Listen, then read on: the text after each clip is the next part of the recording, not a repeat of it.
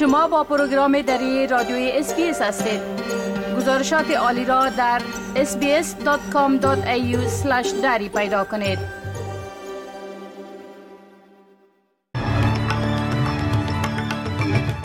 با عرض سلام ما صاحب شکیب. شما را به شنیدن مهمترین اخبار امروز سیوم ماه سپتامبر سال 2023 دعوت می کنم. یک نفر در سیدنی در حادثه چپه شدن قایق کشته شده است. در انفجارهای در دو مسجد در ایالت بلوچستان پاکستان حداقل 57 نفر به قتل رسیدند. سراج حقانی وزیر داخله طالبان از مقامات سابقه خواسته است که به افغانستان برگردند.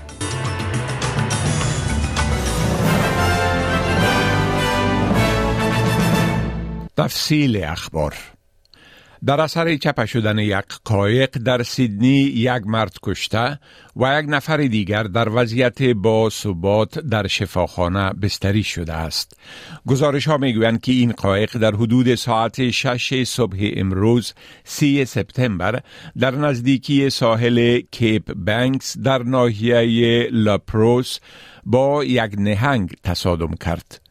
پلیس آبی نیو ساوت ویلز به این حادثه رسیدگی کرد اما نتوانستند مرد را که بی‌هوش در آب پیدا شده بود نجات دهند.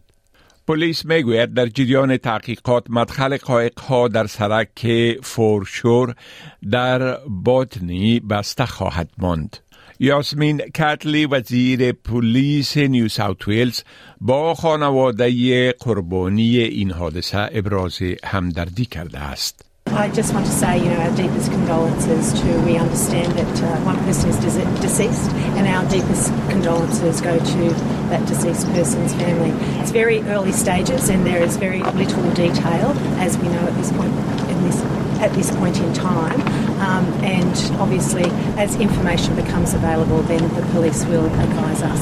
But it's a stark reminder, really, of just how dangerous the water can be and being out on the water can be. پلیس میگوید که سه مرد به جرم حمله با چاقو در جنوب غرب بریسبون متهم شدند. خدمات اضطراری کم قبل از ساعت پنج بعد از ظهر دیروز پس از گزارش های حمله با چاقو به رید بانک پلینز فرا خوانده شدند.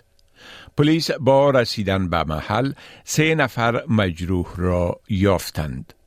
مقامات پلیس می‌گویند که این سه مرد با یک دیگر آشنایی دارند و قرار بود همه ایشان امروز در محکمه حاضر شوند.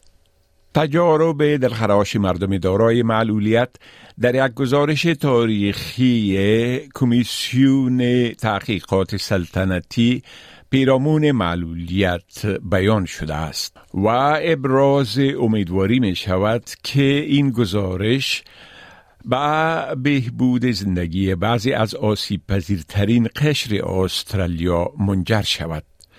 مردم دارای معلولیتی که در طول تحقیقات کمیسیون سلطنتی پیرامون وضعیت معلولین داستانهای زندگیشان را بیان کرده و شجاعانه دوران شهادتهای دردناک را سپری کردند در گزارش مورد تقدیر قرار گرفتند. مادر جولی لودن امیدوار است که توصیه های شامل در گزارش این کمیسیون تحقیقات دسترسی دختر معلولش به فرصت ها و حمایت ها را در وقت ورود او به دوران بلوغ افزایش خواهد داد.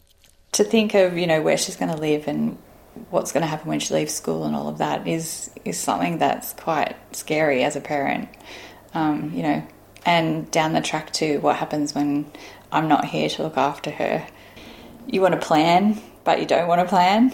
Yeah, planning into the future is something that's quite tricky, I suppose, and without all the supports in place, that makes it kind of scary.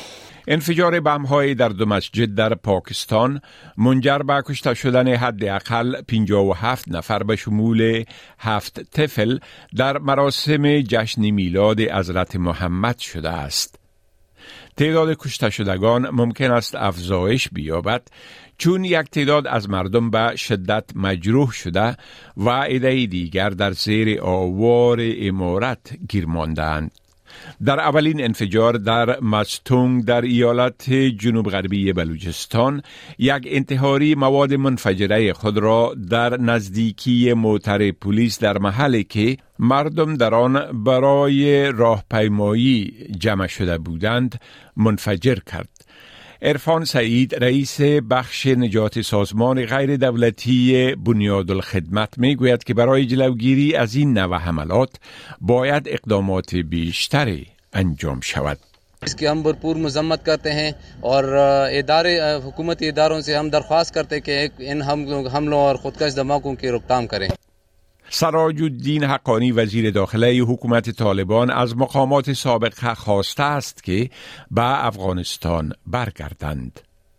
او حین اولین سفرش به ولایت پنچیر پس از حاکمیت دوباره طالبان در افغانستان در سخنرانی در تالار ولایت باشندگان پنچیر را مردم متدین و شجاع دانسته و بدون ذکر نام احمد شاه مسعود قماندان به نام رسیده دوران جهاد ضد نیروهای اتحادی شوروی سابق گفت که جهاد مردم پنچیر در برابر روزها در تاریخ افغانستان ثبت است.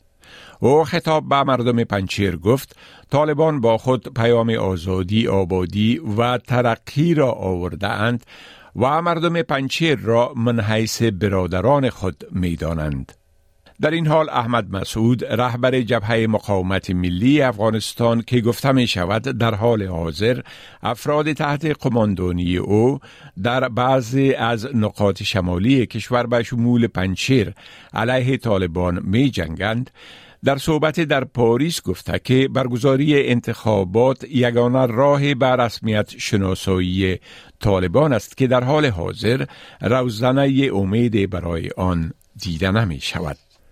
در تصادم یک قایق گارد ساحلی لیبیا با یک قایق کوچک حامل در حدود پینجا مهاجر کشتی رابری مهاجرین همراه با سرنشینانش در بحر مدیترانه غرق شده است.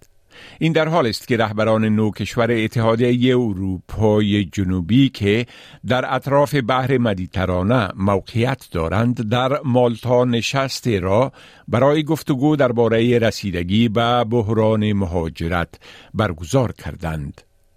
کشورهایی که در این گرد همایی یک روزه حضور داشتند شامل مالتا، فرانسه، یونان، ایتالیا، کرواتیا، قبرس، پرتغال، سلوونیا و آسپانیا بودند. کیریاکوس میتسوتاکیس صدر اعظم یونان می‌گوید که اتحادیه اروپا کنترل سرحدات جنوبی خود را از دست داده است.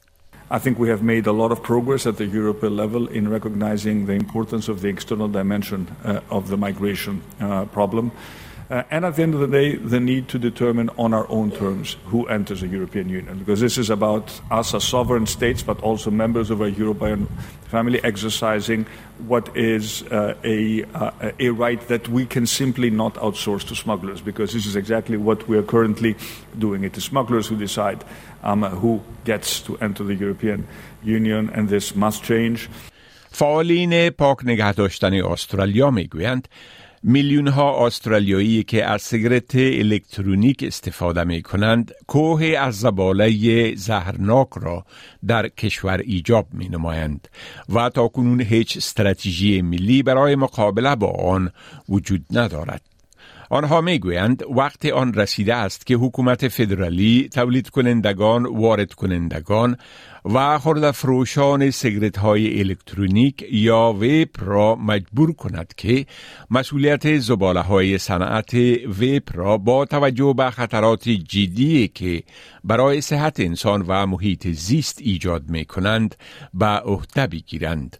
انجمن کلین اپ استرالیا می گوید که مصرف کنندگان در مورد نحوه دفع مسئولانه محصولات استفاده شده ایشان مطمئن نیستند چنانچه این زباله در ایالات مختلف استرالیا به صورت مختلف در یک جای به حیث زباله های الکترونیکی و در جای دیگر به حیث زباله های خطرناک طبقه بندی می شوند. در نتیجه این زباله ها در بیرل های زباله عمومی یا بیرل های ریسایکل جا داده شده و به طور فضاینده به حیث زباله بدون تدابیر مسئولیتی در محیط دور انداخته می شوند.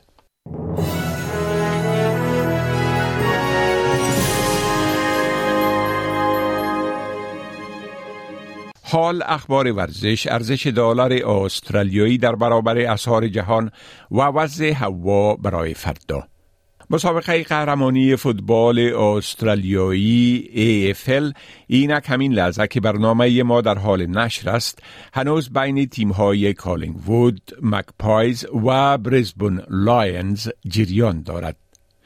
ادارات شرط بندی پیش بینی می کنند که تیم Collingwood Magpies برنده خواهد شد. این مسابقه در حال در ملبورن برگزار می شود که حرارت شدید این شهر را در بر گرفته.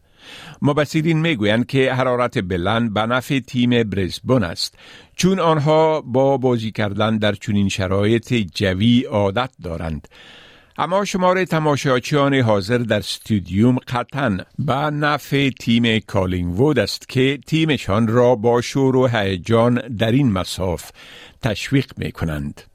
ارزش یک دلار استرالیایی در بازارهای تبادله اسعار معادل تقریبا 50 افغانی 64 سنت امریکایی 61 سنت یورو و 53 پنس بریتانوی می باشد و حال پیشگویی هوا در شهرهای عمده استرالیا برای فردا.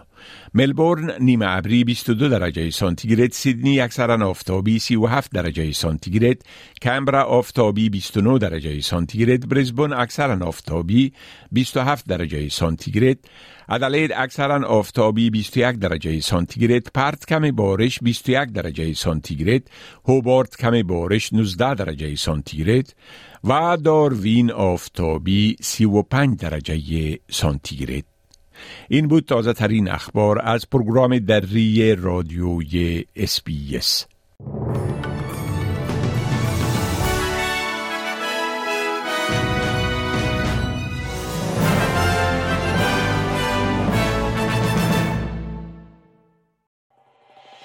می خواهید این گونه گزارش ها را بیشتر بشنوید؟